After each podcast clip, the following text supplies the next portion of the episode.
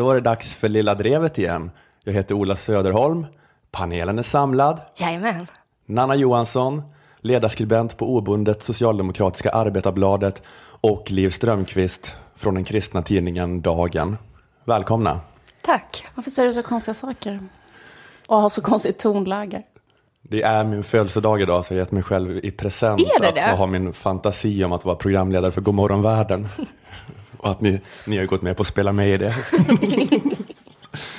Eller hur, Nanna Johansson, med från en studio i Gävle. Just det. Första ämnet, Kulturmannen-debatten. Norske författaren Karl Ove Knausgård skriver att Sverige är ett land befolkat av cykloper.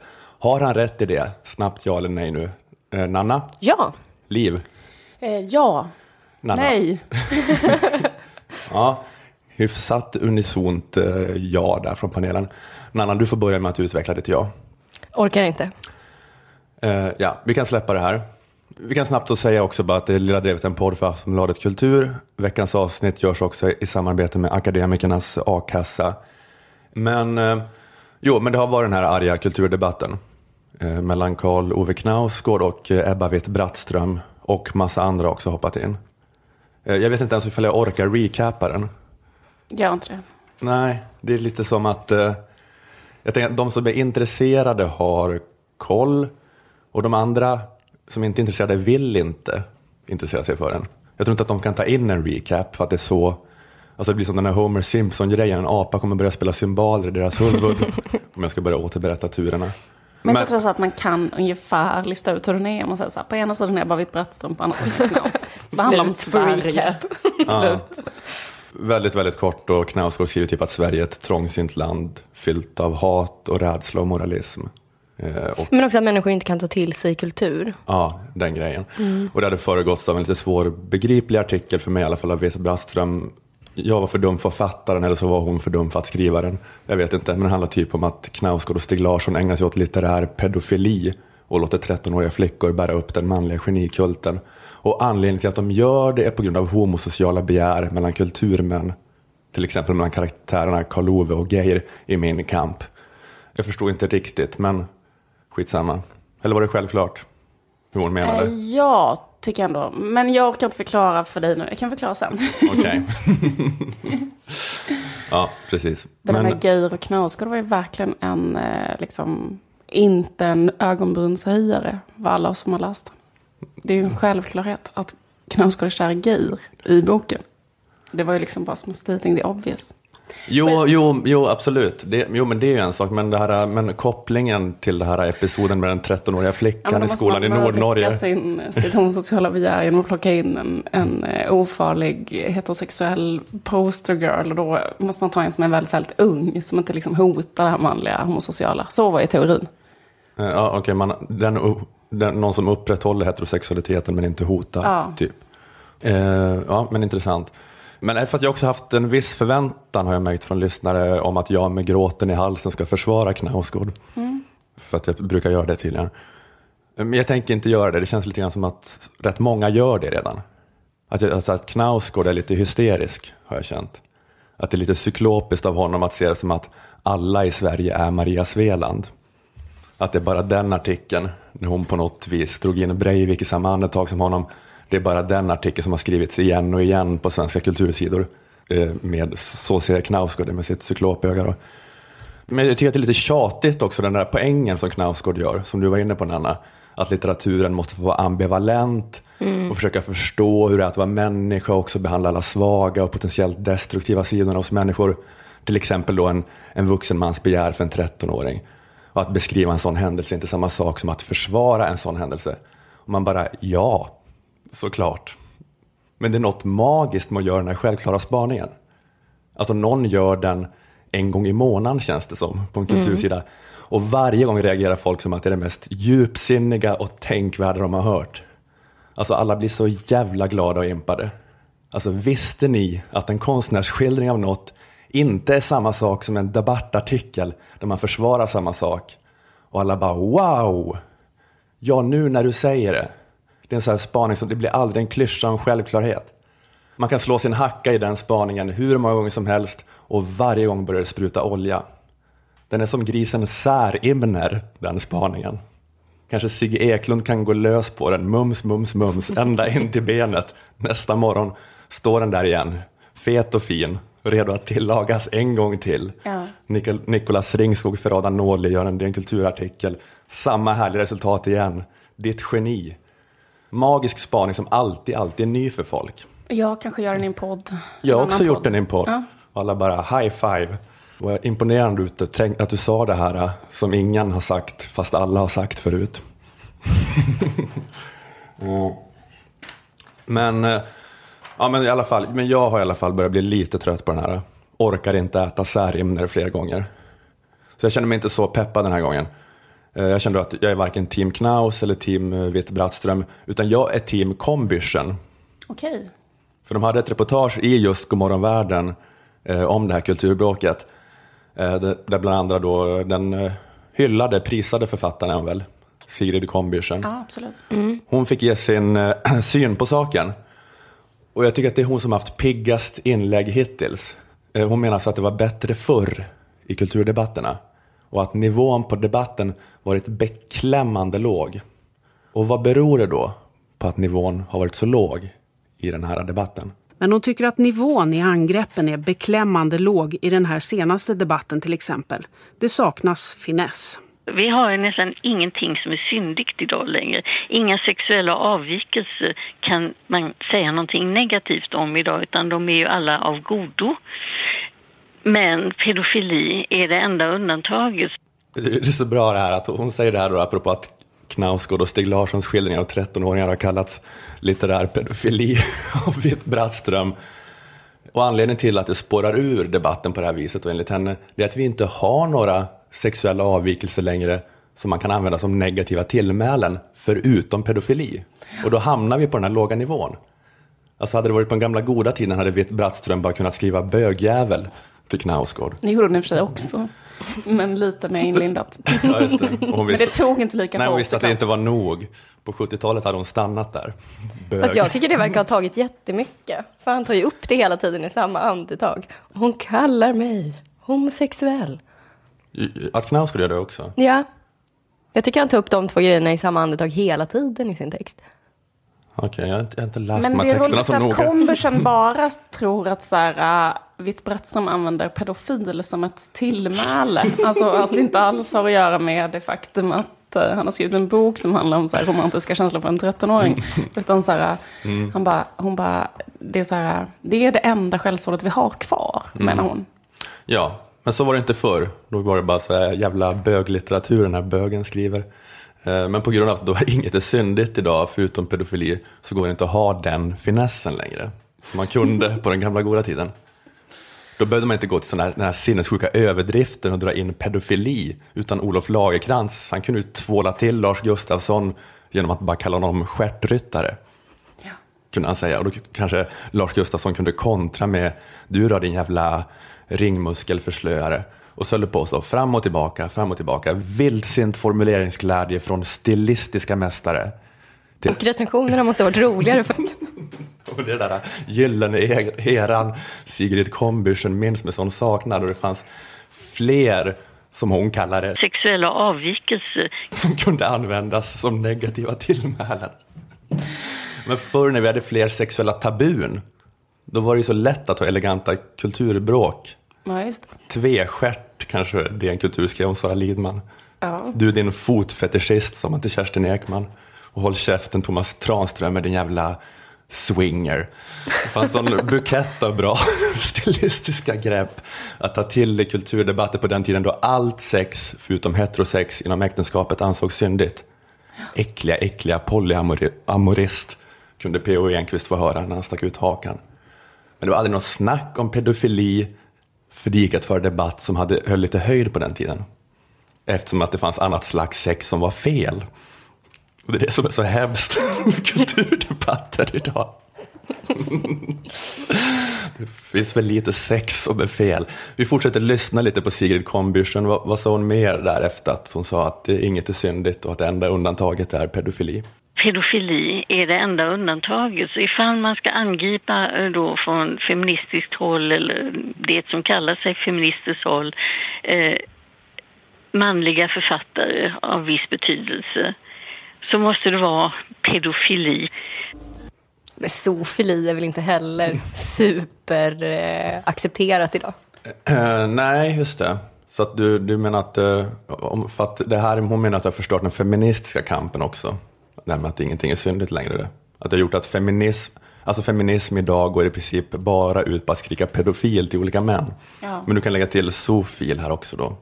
Ja, För, som ett ytterligare ett verktyg i verktygslådan för feminister. ja precis. För feminismen ska ju då, som Kombischen slår fast, gå ut på att anklaga gubbar för att hålla på med olika äckliga sexuella avvikelser. Men förr skedde det på ett mer konstruktivt sätt. Att man sa lackfetischist och bigamist till, till gubbslemmen, till Gösta Bohman kanske. Sånt som förde kampen framåt. Men det här med pedofil, det bara alienerar folk. Alltså förr var det mer konstruktivt feminism. Det fanns fler sexuella avvikelser att jobba med. Ja. Men det är sorgligt. Hur ska man liksom kunna eh, angripa något feministiskt? På ett stilfullt sätt. det utan det här äckliga övertrampet. Ja, dekonstruera liksom kulturmans eh, hegemonin. Om man bara har pedofil kvar att jobba med. Att den feministiska, feministiska kampen går ju ut på att skrika kränkande tillmälen om sexuella minoriteter. Eh, och eh, Och då det har blivit väldigt... problem när mer och mer blir socialt accepterade. Ja, exakt. Så det är... Men tack Sigrid för Tack, ditt Sigrid. inlägg.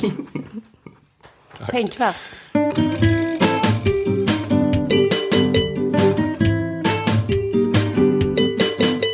Eh, såg ni senaste avsnittet av Smartare än en 50-klassare? Jag gjorde faktiskt det. Du gjorde det? Ja. Ehm, Det var ju ett lite speciellt avsnitt. Eh, Vi kan lyssna på varför. Varje år så har vi då kändistävlande med oss och vi är väldigt glada nu. Här är faktiskt en idol till mig för han är en av de modigaste männen jag vet. Han har varit vår utbildningsminister i åtta år och skolminister. Och han vågar ställa upp hos oss. Det tycker jag är stort faktiskt. Välkomna in Jan Björklund! Ja. Jan Björklund som då lite otippat är Lasse Kroners idol. Lasse Kronér kommer ut som en sån gränslös folkpartist. Ja, men vad är det? Det är ändå public service där. ja, Och Hade det här hänt när vi jobbade på P3 hade det varit kvartssamtal med chefen. ja Någon precis. sagt Jan Om- Björklund är min idol. Varför får han stå och säga det? Jan Björklund ställer i alla fall upp som tävlande eh, och jag kan säga att hela Twitter fick någon sorts eh, fontänorgasm.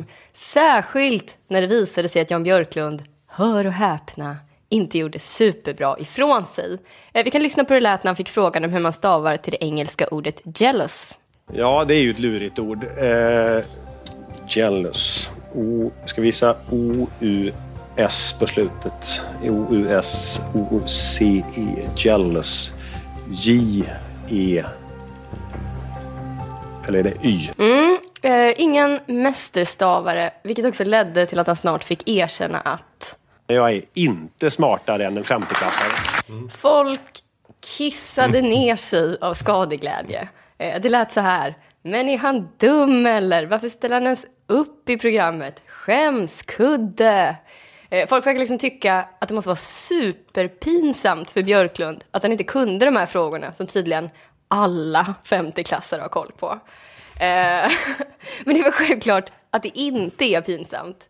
Ifall Björklund hade vetat svaren, men femteklassarna inte gjort det, då hade det varit pinsamt, för då hade det varit ett underkännande av hela hans politik. Ja, just det. Eh, Alltså den nya generationen, de som gått i Björklunds skola under typ hela sin skolgång, skulle vara sämre än Björklund som själv inte gått i Björklunds skola. Det hade ju varit pinsamt för honom. Jag har gått i flumskolan. Vad ska jag... Ja, precis. Ja, det det kan inte rå för det här, det kan han säga. Du borde verkligen eh, jobba med så här skandalreparation Ja. på Folkpartiet, vad det nu heter.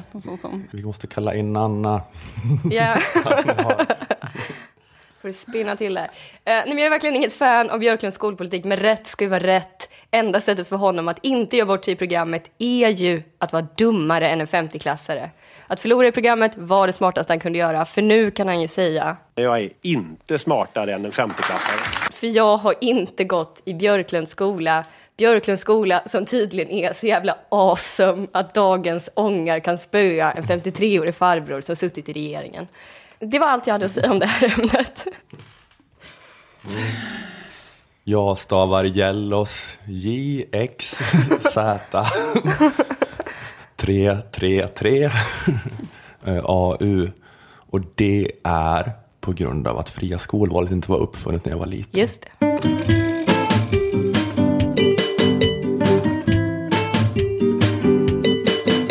Nästan varenda människa i hela Sverige har ju nu yttrat sig i debatten om Kulturmannen.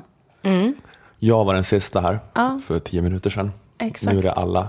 Jag eh, skulle bedöma, höfta lite grann, att det kanske är ungefär 8 miljoner texter som har skrivits på det här ämnet av olika svenska och även norska medborgare. Eh, det är ju liksom också dessutom den andra vändan i den här debatten, som ju var igång ett varv redan för ett år sedan. Eh, så många är ju inne på sitt andra eller tredje, eller kanske till och med fjärde inlägg i, i kulturmansdebatten. Så den rullar på, kan man säga, i en enorm flod av text. Eh, men i den här jättestora eh, textfloden så fastnade jag för eh, två meningar som jag tyckte var väldigt relevanta faktiskt. Och det var två meningar som avslutade en krönika av Fredrik Virtanen, som i övrigt handlade om något annat eller hade någon annan vinkel som jag inte riktigt minns eller fattade. Men de två sista meningarna, i de två sista meningarna så gör Virtanen en väldigt bra spaning. Han skriver så här. Personligen tycker jag att finansmannen är ett avsevärt större problem än kulturmannen. Men han är ointressant för kultursidor så finansmannen kommer i vanlig ordning undan med makten och pengarna. Fy fan vad han har rätt i det. Han har så jävla rätt i det. Jag menar så här, liksom att alla människor som har hängt med minimalt i liksom den senaste tidens politiska och ekonomiska utveckling vet att den stora grejen som har hänt globalt under de senaste decennierna är ju att rikedomarna har koncentrerats till allt mer till liksom 1% av befolkningen, eller typ närmare bestämt 0,01% av befolkningen. De så kallat superrika. Som IMF-chefen Christine Lafargue återger här. the 85 richest people in the world who could fit into a single London double decker control as much wealth as 3.5 billion people, that is, the poorest half of the global population. Ja, hon hänvisar här till de här ganska kända siffrorna som är från Oxfam då, som visar att de 85 rikaste personerna i världen äger lika mycket som de 3,5 miljarder fattigaste människorna på jorden. Eh, och eh, det här med den globala rikedomskoncentrationen, det är ju också det som eh, den franska ekonomen Thomas Piketty, Mm. känd från Lilla Drevet, han har ju visat med sin forskning att rikedomar liksom inte då sipprar ner från de rika, så som den här nyliberala ekonomiska teorin tidigare har gjort gällande, utan hans forskning visar att rikedom istället sipprar uppåt, alltså från oss alla till den då rikaste procenten. Och Pikettys forskning visar också att det inte längre är möjligt för till exempel så här fria företagare eller hårt arbetande löntagare att hålla jämna steg med de som har ärvt sina rikedomar. Utan kapitalet ärvs och koncentreras i vissa släktled, vilket leder till ett samhälle som inte bara då är extremt ojämlikt, utan som är till sin struktur uppbyggd som en slags olig- oligarki då av ärvd rikedom. Alltså arvskapitalism. Har jag rätt Ola? Ja, precis. Att eh, de rikastes kapital växer snabbare än vad tillväxten i allmänhet växer. Och Sverige utgör absolut inget undantag från den här utvecklingen. Tvärtom, på de senaste tio åren så har antalet svenska miljardärer ökat med 50 procent. Kul för dem. Eh, och det här beror ju då på politiska beslut. Alltså att man inte har skatt på förmögenhet och så vidare. Det, att det var en sån era som började 1980, att mellan 1945 och 1980 så var det liksom även i USA sådana nivåer på marginalskatt att de rikaste betalade 80-90 procent. Och hade någon sagt det högt i USA idag så hade den förts ut i gryningen och arkebuserats för kommunism. Men det var, kunde en republikan säga, 1950-60. Så att det har så här ändrat. Milton Friedmans nyliberala doktrin liksom ändrade hela spelplanen. Men nu kommer Piketty då och börjar knuffa den tillbaka. Ja, Kanske. Ja precis. Eh, eller vad ska man säga? Hans forskning visar att det är det här som har hänt i alla fall. Och han menar också att det hämmar tillväxten. Att, det blir, att det är så, här, så mycket kapitalkoncentration. Eh, Men det konstiga är att det ändå finns så pass lite debatt om den här utvecklingen och så lite liksom ifrågasättande av den makten som de här männen i finanssfären, för det är ju oftast män, den makten som de har. Jag menar bara att om man ska skriva ett debattinlägg som Ebba Witt-Brattström gjorde med rubriken så här, patriarkatets parnass, vars syfte är liksom att sätta ljuset då på vår tids allra mäktigaste patriarker som liksom har ett farligt stort inflytande över samhället och måste på något sätt diskuteras, dras ut i ljuset.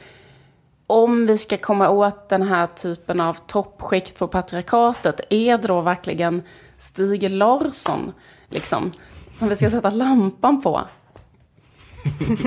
Sist jag såg en bild på Stig Larsson så såg han ut som typ en rultigare och äldre version av Selma Lagerlöf.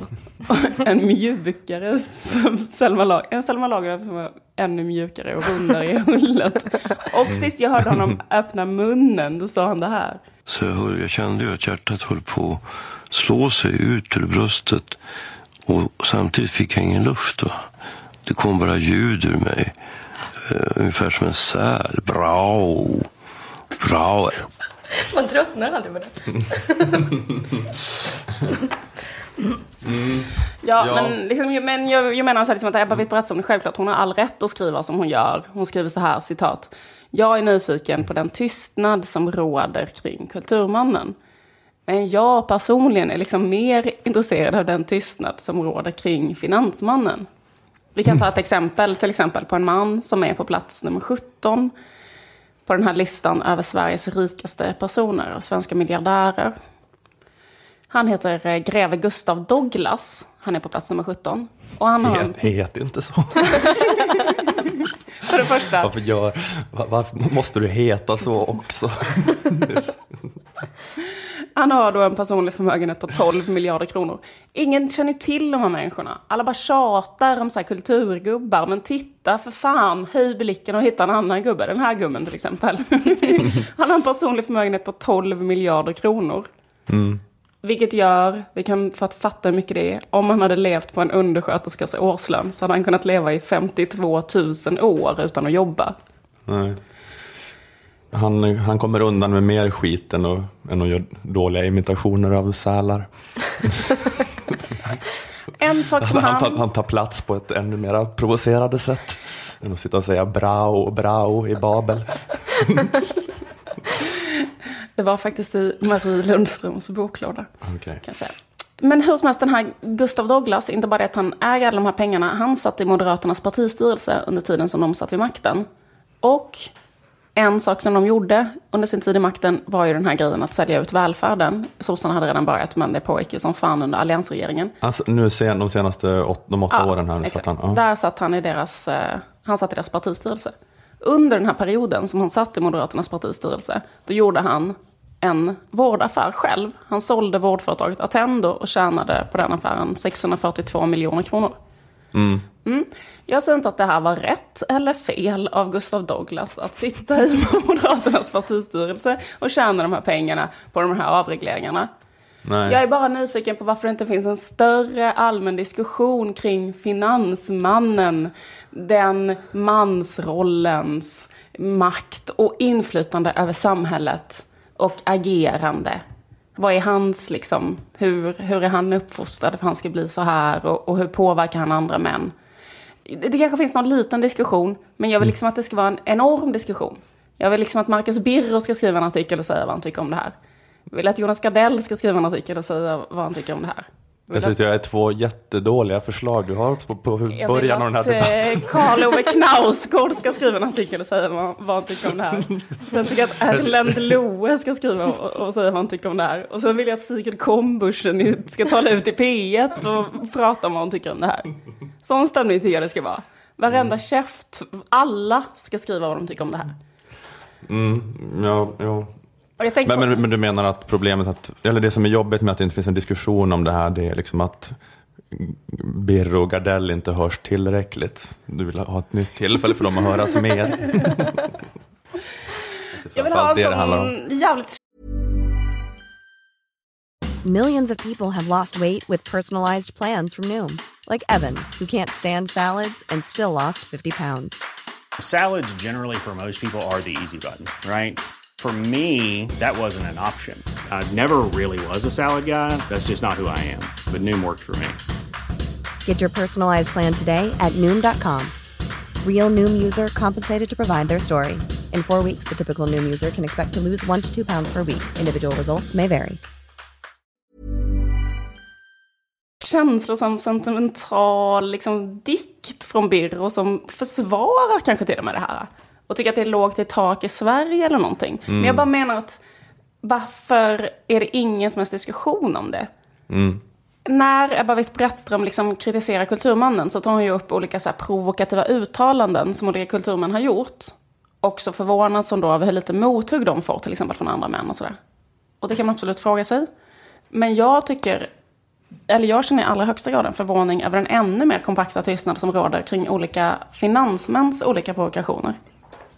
Vi kan bara ta vad som hände till exempel förra veckan. Förra veckan så gick till exempel Günther Mårder, som är ny ledare för organisationen Företagarna. De organiserar eh, 70 000 företagare i Sverige. De är en intresseorganisation då för svenska företagare. Han gick ut i Dagens Industri och skrev en debattartikel om att så här, kollektivavtal inte är relevanta för små företag. Så de vill då driva frågan att man inte ska behöva ha kollektivavtal. Det kan säga det är ju ett avtal som är till för att skydda då den anställda från att bli eh, exploaterad av sin arbetsgivare. Och det är ett avtal som reglerar att man som anställd har till exempel rätt till en viss minimilön, semesterersättning, pension, ersättning vid skador och så vidare. Men Günther Mårder går då ut Men tveksamt om man ska heta så också. Har du valt eh, finansgubbar efter roliga namn? Det var så här Kalle Anka-namn på finansgubbarna. Så här, Så här Galenskaparna presenterar kapitalisten Günther Mårder. Alltså, jag menar inte så här att det här uttalandet, man kan också säga så här, vi- vilket också de här kulturmännen säger om sina uttalanden, så här, det är inte meningen att det här är en provokation, utan jag bara berättar hur det är, eller jag bara återspeglar verkligheten eller sanningen. Och så känner väl Günther Mårder också, så här, jag bara berättar hur det borde vara, det borde inte finnas några kollektivavtal, bla bla. Men han säger också så här, Eh, men, men, eh, men det jag undrar är varför den här typen av provokation inte möter mer liksom höjda ögonbryn och lite eh, ifrågasättanden. Till Men du, men du menar att han, eh, Günther Mårder, skulle kunna, som Karl-Ove Knausgård, säga, säga att man måste skilja på personen Karl-Ove och romankaraktären Karl-Ove, så måste man kunna skilja på människan Günther Mårder. Och kapitalisten Günther Mårder. Sketchkaraktären Günther Mårder. Du kan inte bli arg på Günther Mårder, det är ju en karaktär. Som Mr Cool. Det är bara en karaktär. Precis. Men eh, eh, vad jag skulle komma till var att, att eh, Günther Mårder tycker att det inte alls är osoft med företag då som inte har kollektivavtal. Utan det är tvärtom gött med företag som inte har kollektivavtal. Och i Ekots lördagsintervju så fick han frågan varför då Günther Mårder är det så fruktansvärt gött med företag som inte har kollektivavtal?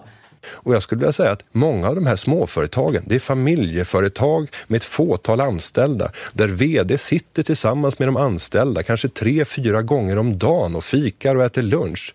Jag skulle vilja tro att det är ett starkare skydd i många avseenden i den lilla familjeföretaget än vad det är bara för att man har ett papper med ett Det är kollektivavtal. klart. Oj.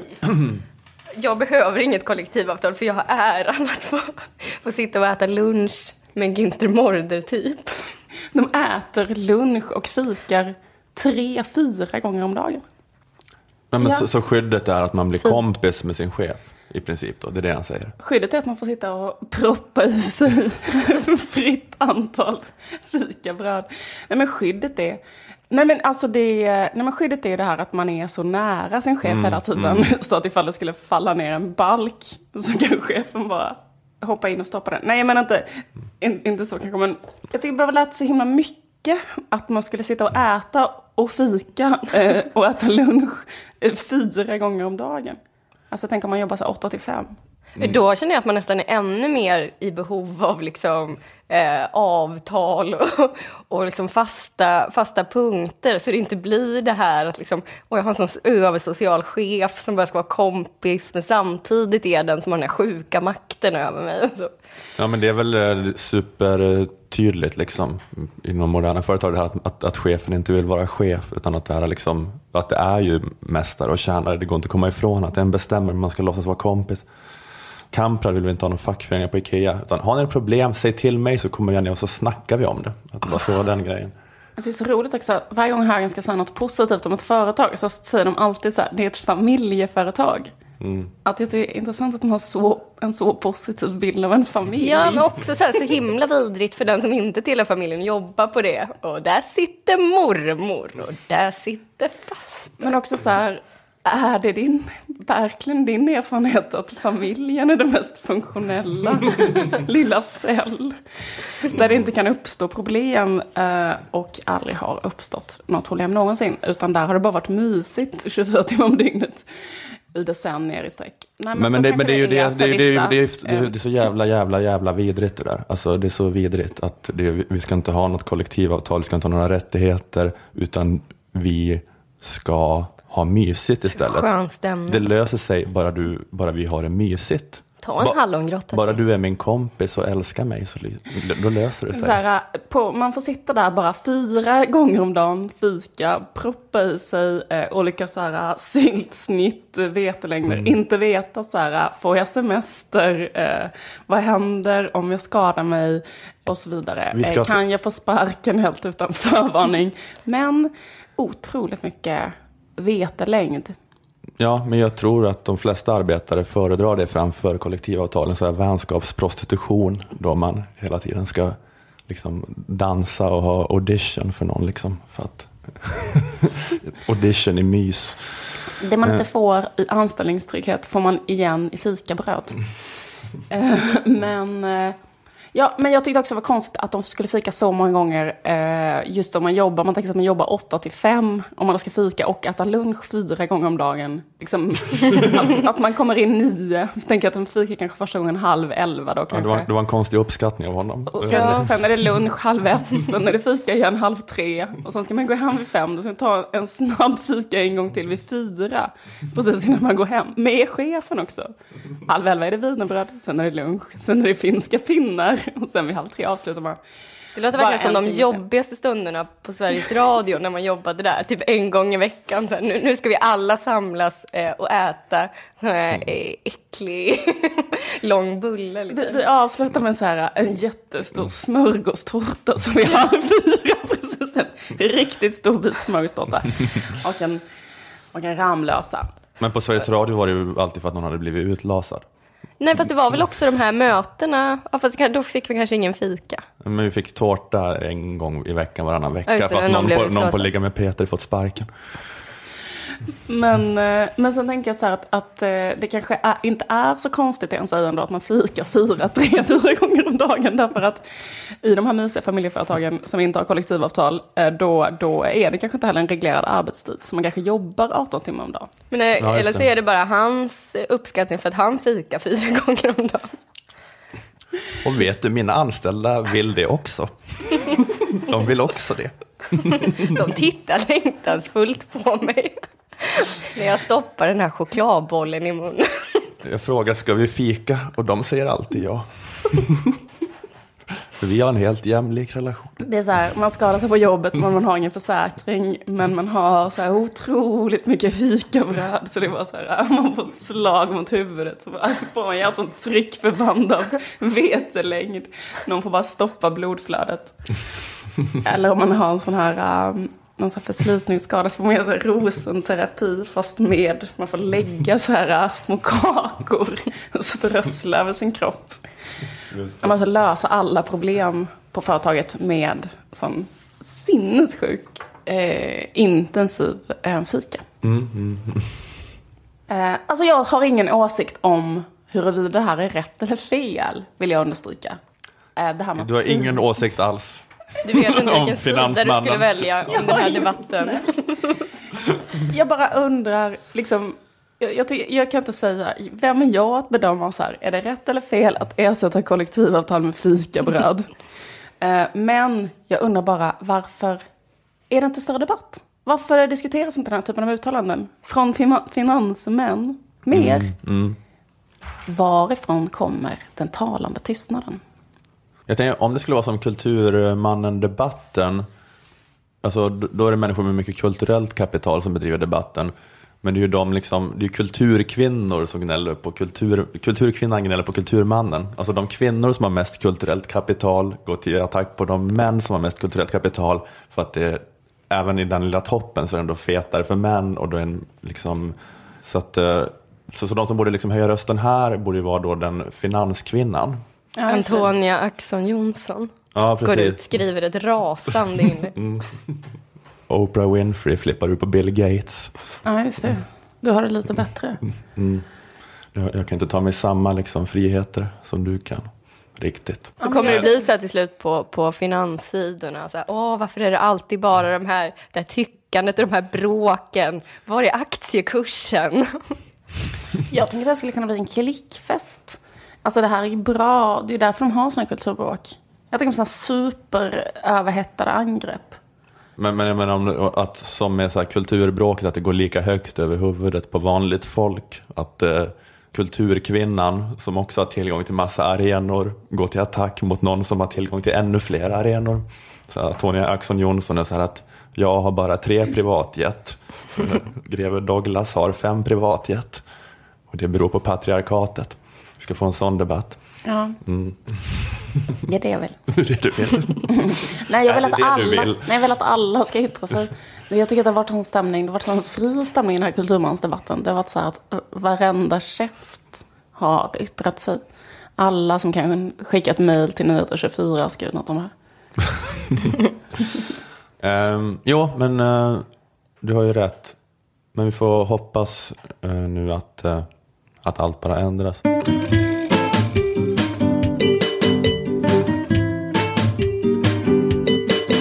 Vi sponsras den här veckan av Akademikernas a-kassa. Just det. Vi säga tack till dem Tack så mycket. för att de gör den här poddjäveln möjlig, eller hur?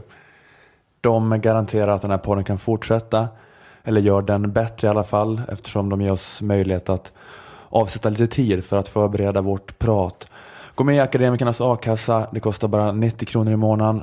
Du får ersättning när du är mellan jobb om du är med i a-kassan. Eh, en ersättning som kommer förbättras kraftigt eh, från och med 7 september som vi sagt tidigare. Taket höjs då rejält så att man kan få ut 20 papp i månaden jämfört med 15 tidigare när man är arbetslös.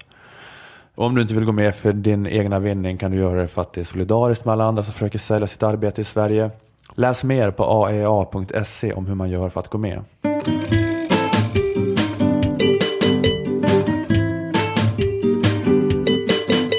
Jag kollade som vanligt på Agenda i helgen och där pratade man bland annat om det här. Vad ska vi jobba med i framtiden? Ja, den frågan måste vi nog alla börja ställa oss. För nu tar datorerna över i allt fler branscher. Tidigare var det mest industrijobb som försvann. Men snart kommer även journalister, läkare och lastbilschaufförer känna sig överflödiga. Mm, eh, jobben håller på att försvinna. Den här påan följdes av en paneldebatt med Ursula Berge, sociodebattör och moderaten Per Schlingman. Och där drogs det samtids och framtidsspaningar som Allting omvandlas till ettor och nollor. Mm, tyst din gamla tunt. Eh, I alla fall, det jag kände när jag såg det här inslaget om att datorerna kommer ta över alla jobb var inte så mycket oro som egoistisk lättnad. För även om typ alla andra jobb försvinner eh, så tror jag att just poddbranschen kommer överleva ett tag till. Men det är så konstigt att hon drog in journalist i ett jobb som kommer förs- försvinna i framtiden. Jo, men det är just det här, alltså, det är några som har utvecklat till exempel ett program som kan göra liksom, sportreferat och så. Ja, jag såg Eh, det, men, ja. men eh, ja, just det att man... Det är så himla dumt att det är en sportjournalist som har varit med och utvecklat det. Ja. Dumbom, är allt jag vill säga. Men är inte det som den där Marcus, är inte det som den där Marcus Birro slumpgeneratorn? De har liksom eh, bara liksom matat in olika meningar som är hans krönikor. Sen så kan man bara liksom Det här, är din, det här är din syn på sportjournalistik. slumpa ihop dem. Nej, men Ska man ja. kunna göra som med ganska Ja, men så Ja, det, men- är- nej, jag tror det är sådana grejer som liksom... Ja, ja, men med får ta sportjournalistik kan man ju hålla på med hårda fakta från att man bara matar in Ja, målchanser, Det blev målvarningar. 3-2. Ja, och så kan de Eh. skriva någonting. Men, men det är ju ändå det är ju inte hela spektrat av journalistik. Det är ju svårt att, att, Ja, en, att en ja, dator ska precis. kunna liksom gå runt utklädd till jude i Malmö och få antisemiter att skrika åt den. Kanske. Eh, Ja, men eh, anledningen till att jag tror att, att vi eh, poddare står ganska säkra eh, är eh, ett, en självklarhet. Om folk i allmänhet lägger mindre tid på att jobba för att jobben försvinner så kommer de ha mer tid att konsumera kultur eh, och då till exempel lyssna på poddar som den här. Det, det, tror, Eh, det tror jag faktiskt är en stor grej till att poddar är en grej idag. Alltså de här Roland Paulsen-jobben, de här tomma arbetena. Att det är så jävla många människor som inte har något att göra på sina jobb. Mm. Jag får känslan av det att det är väldigt många som lyssnar på till exempel oss på arbetstid. Eh, Så att det, är- det är bra för oss på det viset. Mm. Anledning två. Det går ju säkert redan idag att göra en podd med robotar som sitter och tjötar med varandra. Men jag tror att det kommer dröja ett tag innan det blir så pass bra och vast att folk faktiskt vill lyssna på det. Eh, Och för att illustrera det här så har jag faktiskt gjort en liten prototyp på hur det skulle kunna låta ifall man programmerade fyra lilla drevet-bottar att prata med varandra om sånt som vi brukar prata om i podden. Jag kallar det här experimentet för Robot Lilla Drevet. Eh, Och jag måste be om ursäkt till dig, Ola, för jag kunde inte hitta någon eh, norrländsk talsyntes. Så du får representeras av en gubbe som är finlandssvensk. Eh, mina vänner, låt oss lyssna på ett avsnitt av Robot Lilla Drevet. La la la la la la la. Lilla drevet. La la la la la la la. Lilla drevet. Hej, Kringlan. Kalla mig K. Jag såg på Agenda. En akademiker mejlade mig om bomål. Jag tänkte prata om mens. Bla bla bla. Bomåleffekten. En på Twitter skrev något taskigt. Bla bla bla Knausgård bla bla. Klimathotet. Men skit i det. Jag tycker vi ska legalisera sexköp. Per håll knäckt. Fniss fniss. Jag såg på Agenda, igen. Legalisera knark. Bomåleffekten. Ola sluta prata om bomål. Knausgård. K. Svensson tack. Vulva, mens. Jag hatar identitetsvänstern. PK-horor. Lilla drevet sponsras av Akademikernas a-kassa. La la la la la la la. Lilla drevet. Nu ska jag gå hem och äta havregrynsgröt. Och jag är finlandssvensk. ja.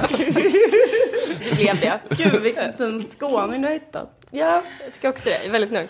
Vad är la, la, la, la, la, la, la. Det är melodin.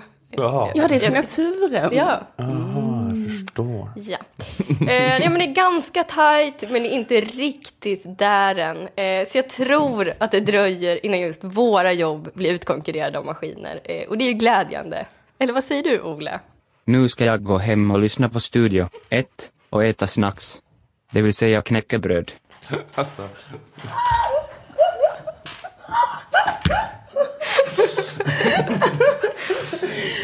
Jätteroligt. Åh gud. Jag ska... Mm. Mm. Ha- Har vi några datum vi kan plugga där, vi kan se den, då man kan se den finlandssvenska boten köra stand-up?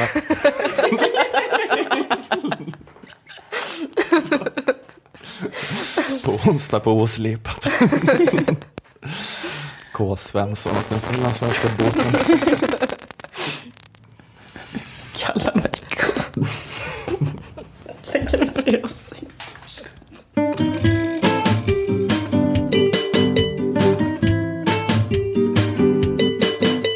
Okej, jag tänkte på en annan grej som sades i det där agendainslaget eh, om framtidens jobb. Mm. Eller i debatten efteråt med eh, sossepersonen och Per Schlingmann. Eh, Per Schlingmann var ju tidigare partisekreterare för Moderaterna, men han har ju också kallats propagandaministern. Ja, just det. För han var arkitekten bakom Nya Moderaternas image och utseende och språk. Och vid ett tillfälle i den här debatten i Agenda så sa han så här apropå framtidens jobb. Och här tror jag är den stora prövningen om vi kommer tillåta i Sverige en arbetsmarknad som finns i hela kedjan. Så jag tror att... Vad menar du med det? Nej, men alltså, vi, Stefan Löfven brukar återkommande säga att vi ska ha jobb högt upp i värdekedjan. Det låter jättefint och det är jättebra. Men jag tror att vi måste ha jobb i hela kedjan. Alltså, att människor är olika. du? Det kallar du det. Jag kallar det, det är en del i början av värdekedjan. Ja, men jag tycker att det är fint att det fortsätter för Per Schlingmann. Den här, den här kampen att utrota alla klasskillnader och maktrelationer och allt som är tråkigt genom att ändra på ord. Den kampen går oförtrutet vidare. Okvalificerade jobb, det är ditt ord. Ta tillbaka det. Ta det här är- tillbaka det här- det, Ali Esbati! Nej, detta, detta är... Ta Detta, tillbaka detta det! är... Agendas programledartant. Ta tillbaka det. Eh, okvalificerade jobb, det får verkligen stå för dig. Eh, men det var, ju, det var ju Per Schlingmann som införde Moderaternas ordlista. Det var något sånt dokument de skickade ut att vi säger inte privatisera, vi säger öka mångfalden. Just det. Vi säger inte, Vi säger ny cirkus. säger inte vanlig cirkus. Ny cirkus säger vi. De är inte cirkusarbetare, de är nycirkusarbetare. Ta tillbaka det. Ta tillbaka det. Ja, men det var så här, vi säger inte sänka ersättningsnivån.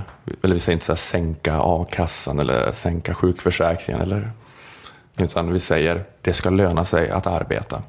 Och så vidare. Och så vidare. Vi säger inte knulla med tjänstefolket, vi säger älska med tjänstefolket.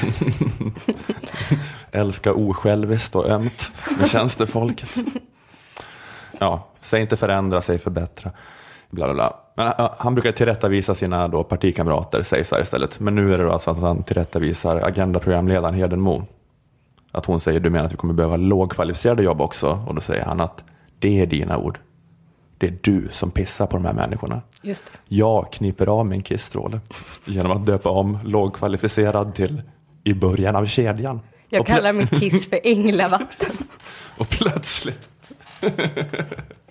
blir hela världen... Plötsligt känns det inte jobbigt för den här människan som är nerpissad. Nej. För det är ju bara änglavvatten.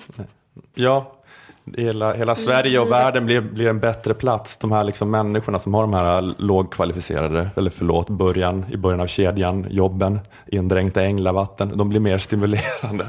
Eh, De jobben blir mer stimulerande för de här människorna på, på något magiskt sätt. Ehm, Men det, ja, men det är lite konstigt för att det känns så okontroversiellt på något sätt att säga lågkvalificerat. Alltså jag fattar inte att just det var något som Schlingmans nyspråk behövde slå till mot. Att det här jobbet behöver ha gått ut högstadiet för att få, det här behöver ha universitetsexamen för att få. Får man inte säga att det är lägre kvalifikationer på det första? Det, är bara, det känns som en så, här totalt oladdad, neutral beskrivning av Mm. verkligheten. Och är då kedjan en bättre liknelse? Vi för tankarna till näringskedjan istället. Du- Något som ska slukas. du ska, du ska städa hemma hos den här familjen och det är inte för att du är mindre kvalificerad i din utbildningsnivå än dem, utan det är för att du är längre ner i näringskedjan. Det är bara det. De ska bara äta dig, din kropp och din själ. Så säger vi i Nya Moderaterna. Det är för att de är en fiskmås och du är en insekt.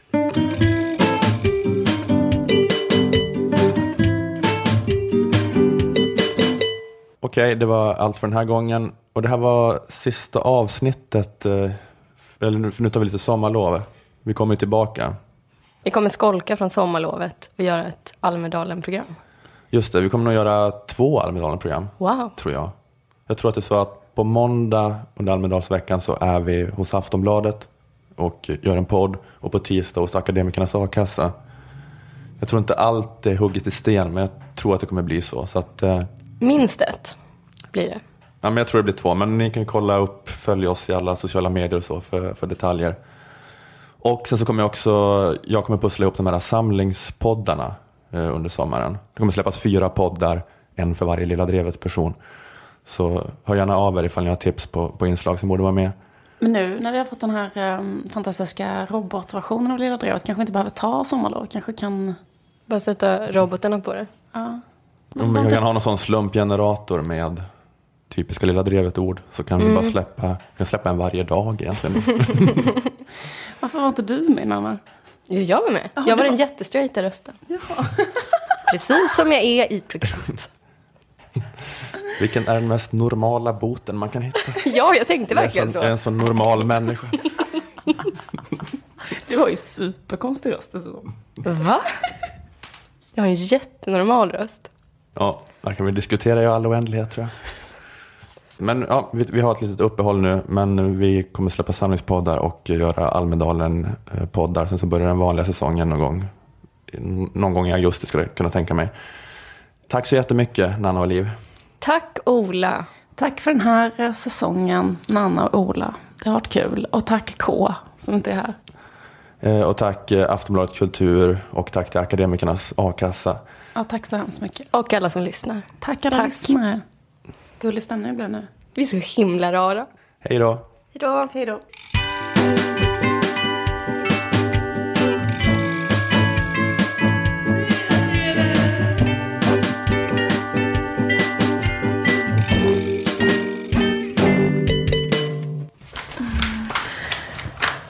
Få lite... Mm, men har du redan käkat lunch? Mm. Själv vill du käka lunch? Nu ska jag gå hem och lyssna på studio. 1 och äta snacks. Det vill säga knäckebröd.